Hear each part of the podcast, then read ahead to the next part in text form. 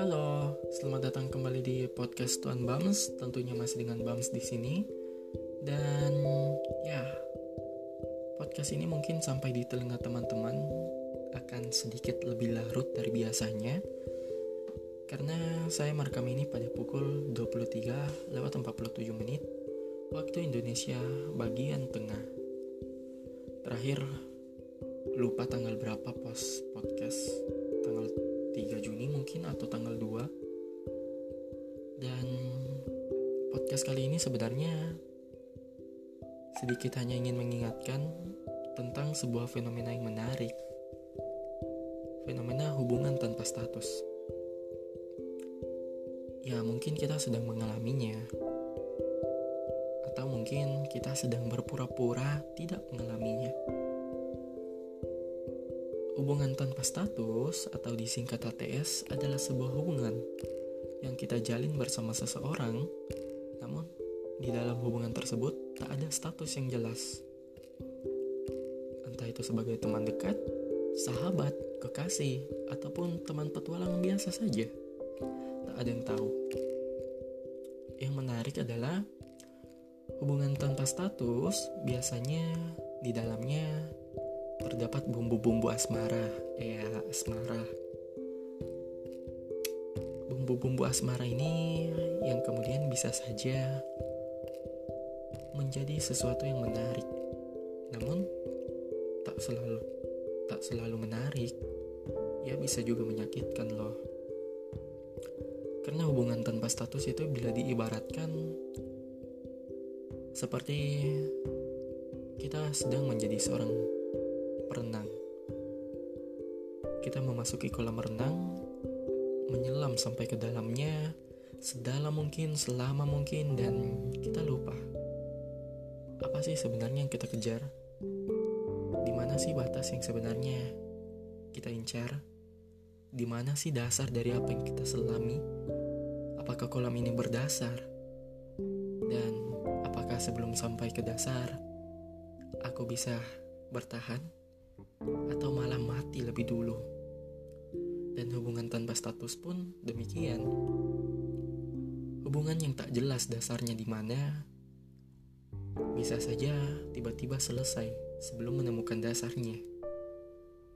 Salah satu tersakiti ataupun kedua-keduanya tersakiti. Dan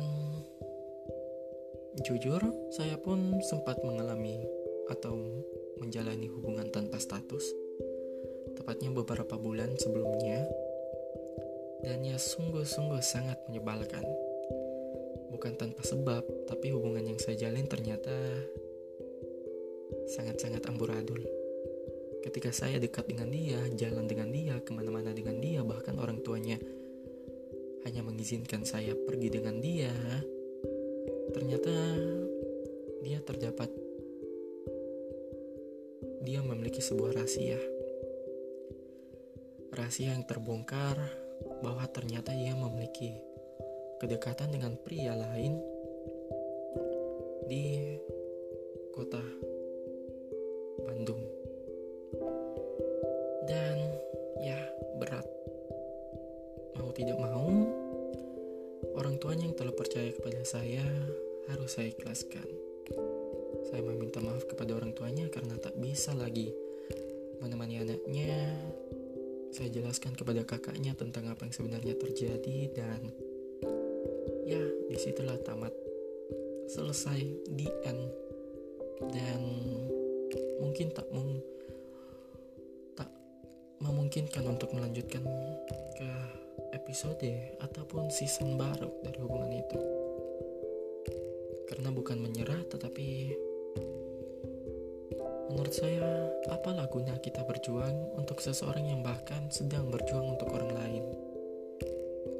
Kita sedang dipupuk oleh ekspektasi yang sangat tinggi, tetapi orang yang wajib menemani kita memupuk ekspektasi tersebut malah pergi, malah menyusun ekspektasi dengan orang lain. Lambat laun waktu berjalan, saya mulai memahami bahwa hubungan tanpa status adalah hubungan yang sangat menakutkan untuk dijalani. Namun lebih menyakitkannya atau menakutkannya apabila kita tahu hubungan itu sudah tanpa status, sudah menyakitkan, sudah sangat-sangat toksik, tetapi kemudian kita tetap berjuang. Kita menghabiskan waktu, tenaga, emosi, air mata dan segala hal-hal yang bahkan mungkin bisa membuat kita saling melukai diri sendiri. Self harm. Come on. Kita sudah berhubungan tanpa status tetapi kita bisa sampai segila ini.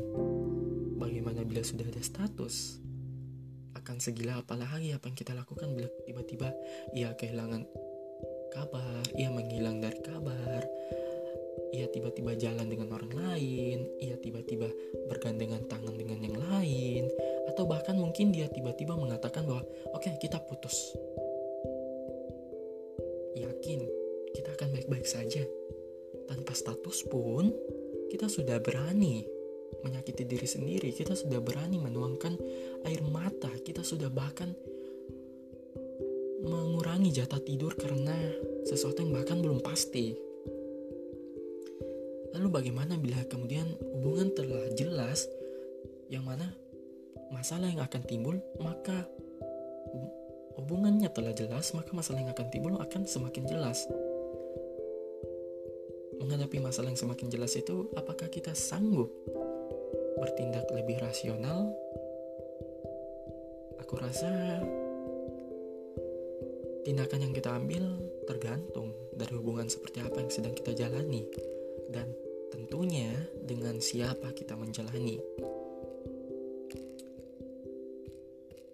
Berbahaya apabila kita mengetahui pria yang sedang kita hadapi, perempuan yang sedang kita hadapi adalah manusia yang berbahaya namun kita tetap saja mencoba resiko untuk terluka.